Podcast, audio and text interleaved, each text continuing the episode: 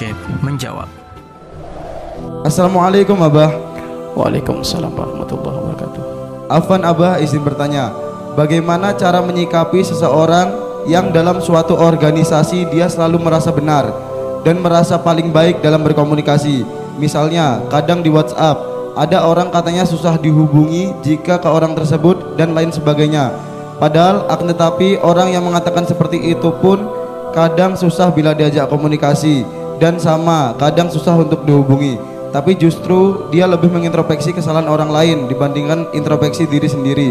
Dan jarang sekali tabayun dengan yang ia katakan susah diajak komunikasi. Dan jarang berpikir kusnudon syukron atas jawabannya Abah. Baik. Jika engkau dikoreksi orang, maka paling enak kamu tidak perlu ngoreksi balik. Yang mengoreksi kamu manusia, tentu dia punya kekurangan.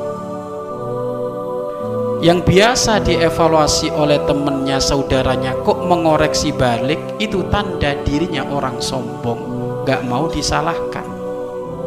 Jadi kalau dia ditegur, kenapa kamu jawab WA kok susah? Wong kamu juga sama kok. Oh, itu sombong itu. Sombong dia itu. Orang kayak gitu sombong. Paling enak itu apa? Syukron jazakumullah. Mohon maaf akhi. Gitu. Itu sudah insyaf itu. Kamu jangan ikut gayanya iblis. Iblis itu apa sih? Iblis itu gimana? Yang nyuruh Allah sujud kamu iblis kepada Nabi Adam. Sujud nggak mau ibu, malah berhujah. Berhujah apa? Dia, ana khairu minhu. Ya Allah, aku lebih bagus dari dia kok suruh sujud. Siapa pun yang ditegur, lah kok dia balik negor, ini sudah kelas nggak insaf. Paling enak sudah insaf dulu.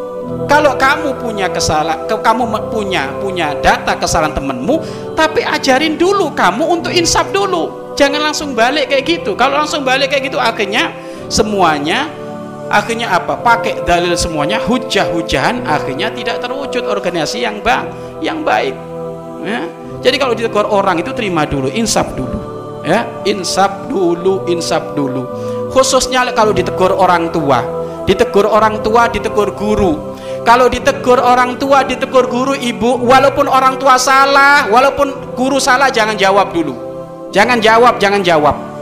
Ya, jangan jawab. Kenapa? Kalau anda jawab, berarti anda nggak insaf. Walaupun memang salah, mungkin sekali orang tua kita manusia, mungkin sekali salah.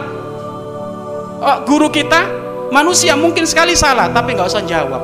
Sampai nanti ada kemudahan, ada momen ruang tabayun, kita nanti ngasih waktu minta wak waktu sehingga nanti didiskusikan. Bahkan ternyata ada ini cerita. Cerita sosok mulia dari Habib Hasan bin Ahmad Baharun gurunya Buya yang cerita Habib Segaf. Cerita Habib Segaf itu. Habib Segaf itu Alhamdulillah beliau itu termasuk anak yang jika dimarahin orang tuanya itu nggak pernah nggak pernah apa nggak pernah jawab. Walaupun bapak ibu kadang yang di yang diucapkan yang bikin marah Habib Segaf itu uh, yang bikin marah Habib Hasan kadang belum tentu dilakukan oleh Habib Segaf. Tapi Habib Segaf nggak pernah jawab. Akhirnya apa? Orang tua uh, Habib Hasan seneng kepada Habib Segaf anaknya ini. Aku seneng punya anak kayak kamu walaupun kamu nggak salah.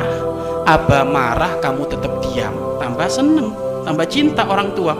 Daripada dia nggak salah kok tiba-tiba jawab nanti orang tua merasa sedih. Karena orang tua itu sifatnya pemimpin imam. Kemudian guru juga sifatnya adalah pemimpin i, imam. Maka jangan dijawab sudah. Kalau diingatkan jangan dijawab. Ya?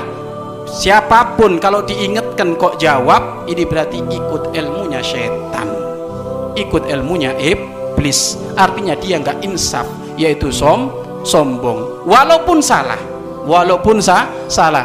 Ada pun ruang tabayun nanti. Bukan di saat diingatkan tiba-tiba langsung ya jawab. Ruang, tab ruang tabayun nanti. Coba orang salah oh, orang nggak salah ditegur tapi diem tiba-tiba gurunya tahu masya Allah ini anak. Begitu tulusnya hatinya. Dia nggak salah tapi dimarahin dia diem. Ada nadro khusus dari gurunya. Ada nadro khusus dari orang tua orang tuanya. Dan jangan takut dirimu Jangan takut dirimu nggak dianggap baik oleh gurumu.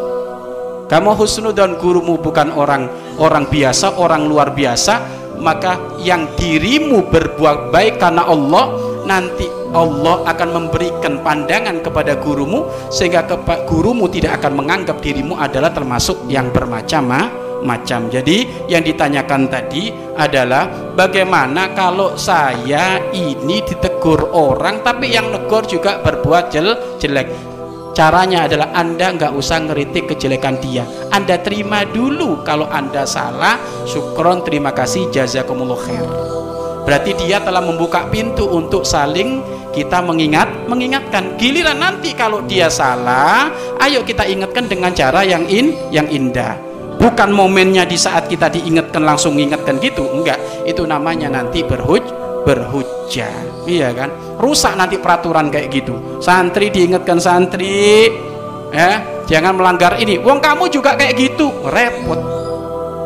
Enggak kelar-kelar nanti ini pondok pengurusnya nggak kelar-kelar kalau sudah diingatkan salah nggak salah diam dulu diam dulu sampai nanti ada ada ruang tabayun ada ruang dikasih wak, waktu karena apa karena kadang kalau orang jawab itu yang jawab itu yang denger nggak ngerti maksud jawabnya apa taunya apa. Ini orang kalau diingatkan pasti ja, jawab. Maka itu menjadi pemandangan yang kurang bah kurang baik.